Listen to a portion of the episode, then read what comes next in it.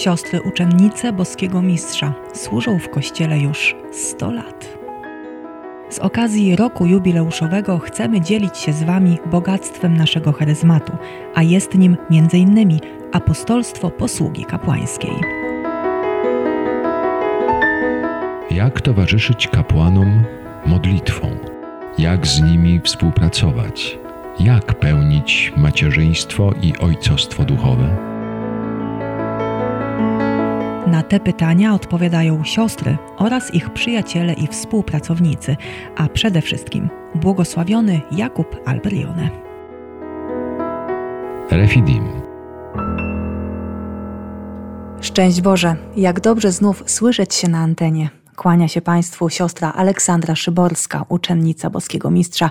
W poprzednich latach moje zgromadzenie przygotowywało różne audycje czy podcasty o tematyce liturgicznej, ale nasz założyciel mówił, że najdoskonalej pełni apostolstwo liturgiczne ten, kto poświęca się dla dobra kapłanów, bo nie ma mszy świętej bez kapłana.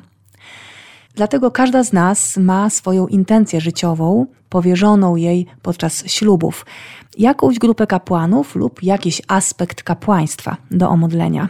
Włączają się w tę modlitwę także świeccy, nasi współpracownicy i przyjaciele.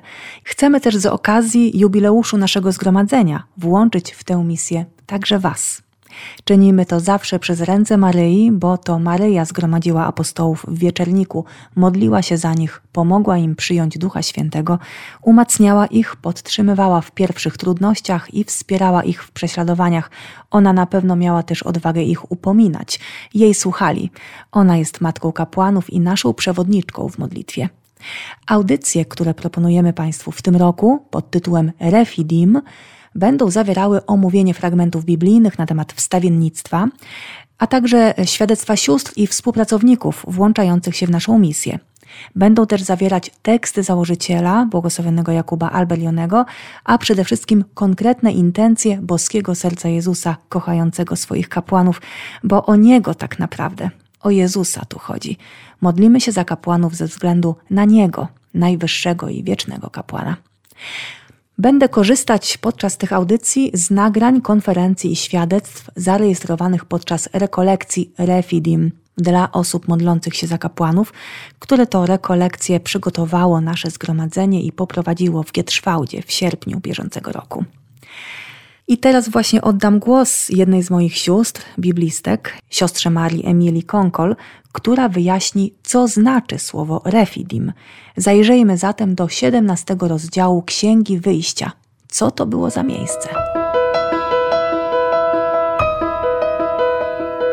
To było miejsce, w którym Izrael zaczął odczuwać pragnienie. To jest ważne, bo już samo odczuwanie pragnienia jest łaską bo prowadzi później do prośby o wodę i do zaspokojenia pragnienia. To jest refidim, to jest właśnie ten moment, kiedy Izrael zaczyna odczuwać pragnienie, czyli zaczyna też czuć, że coś jest nie tak, że czegoś brakuje. Problemem Izraela nie są często wrogowie zewnętrzni, ale właśnie sam Izrael, to co ma w środku, nie, to są te problemy. Ale właśnie, y, pojawia się i wróg zewnętrzny, ci Amalekici, oni byli e, nomadami, wywodzili się od Ezawa, brata Józefa. I są w ogóle w Biblii takim e, przykładem rozbójników i ludu w ogóle wrogo nastawionego do Izraela. I mamy tę scenę bardzo ważną, bardzo piękną właśnie e, pod Refidim, kiedy to jest to starcie, Amalekici nadciągają i cóż, oni mają wielką armię przygotowaną do wojny, a Izrael to lud koczowniczy, który prawda, idzie przez pustynię i nie ma wojska. I jest taka sytuacja rzeczywiście, że Mojżesz y, mówi do Jozuego, tu Jozue jest po raz pierwszy w, w, Biblii, się pojawia, to będzie bardzo ważna postać, bo to będzie później następca jakby Mojżesza, on będzie przeprowadzał lud y, właśnie w wejściu do ziemi obiecanej. Mojżesz każe mu iść na wojnę, wybrać odpowiednich ludzi, jakoś tam ich dostosować, przygotować i wyruszyć przeciw Amalekitom. Kiedy Mojżesz wejdzie na górę, i to jest ta góra Choreb, Synaj, góra obecności Bożej, czyli to też wstawiennik wchodzi na górę, czyli wstawiennik jest zawsze w blisko Pana, w obecności Pana, bo to jest źródło mocy dla tych, którzy walczą. I za których się modli. Mojżesz idzie na szczyt góry i następnego dnia stacza się ta walka.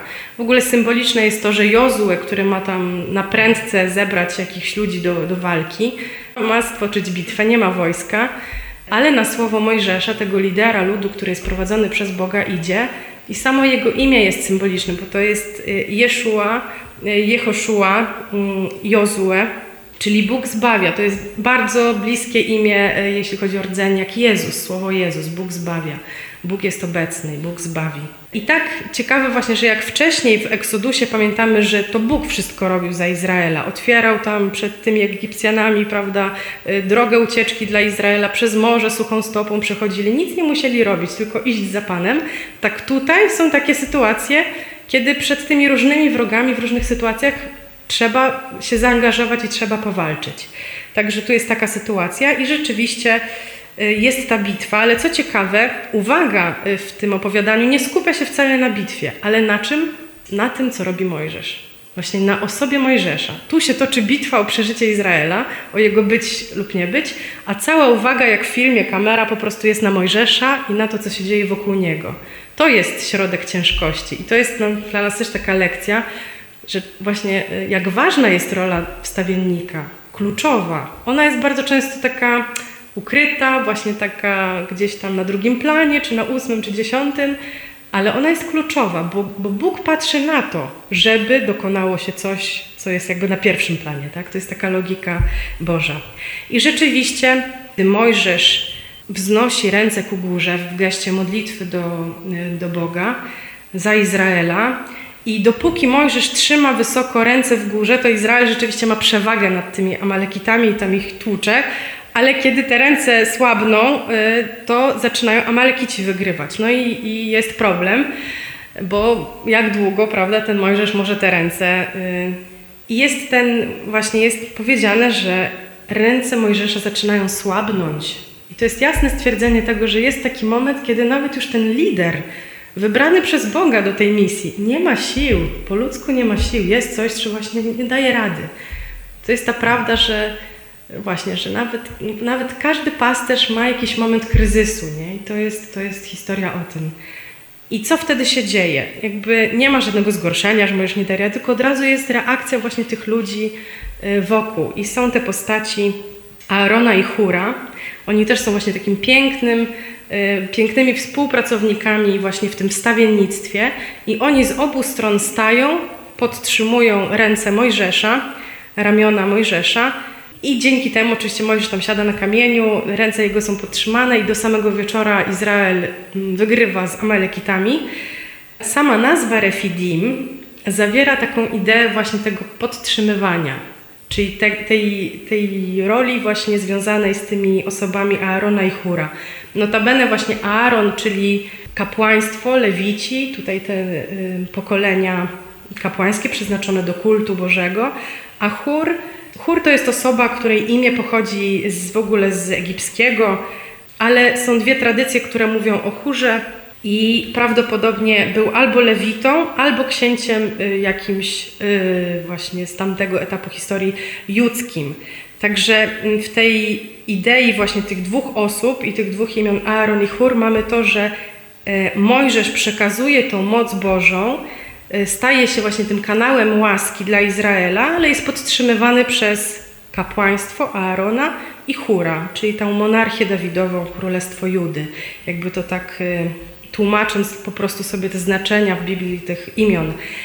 Ale są oni właśnie tym plastycznym obrazem wstawiennictwa, bo podtrzymują ręce tego pasterza, pomagają pasterzowi w tej misji wstawiennictwa za lud, zbawienia, bo o to się toczy walka. I nazwa Refidim e, w swoim rdzeniu słownym ma to ryfy, dy, e, które oznacza podtrzymanie, podporę, pomoc. Oczywiście ojcowie Kościoła w tej scenie e, widzieli przede wszystkim to, jak Bóg wybiera, jak działa poprzez ludzi. Bóg przeprowadza różne historie w naszym życiu poprzez ludzi. To pośrednictwo mm, ludzkie a także w postaci Jozułego dostrzegają ojcowie Kościoła osobę Jezusa.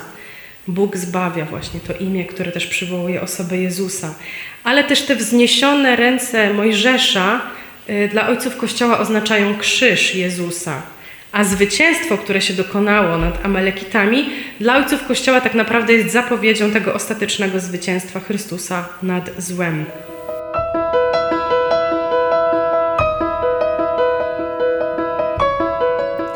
Oto Refidim, miejsce zwycięstwa Izraela dzięki wstawiennikom, tym, którzy podtrzymywali ręce Mojżesza w modlitwie. I my stajemy się Aaronem i Churem, którzy podtrzymują ręce kapłanów.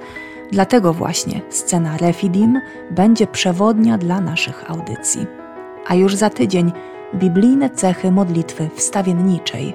Módlmy się za kapłanów. Refidim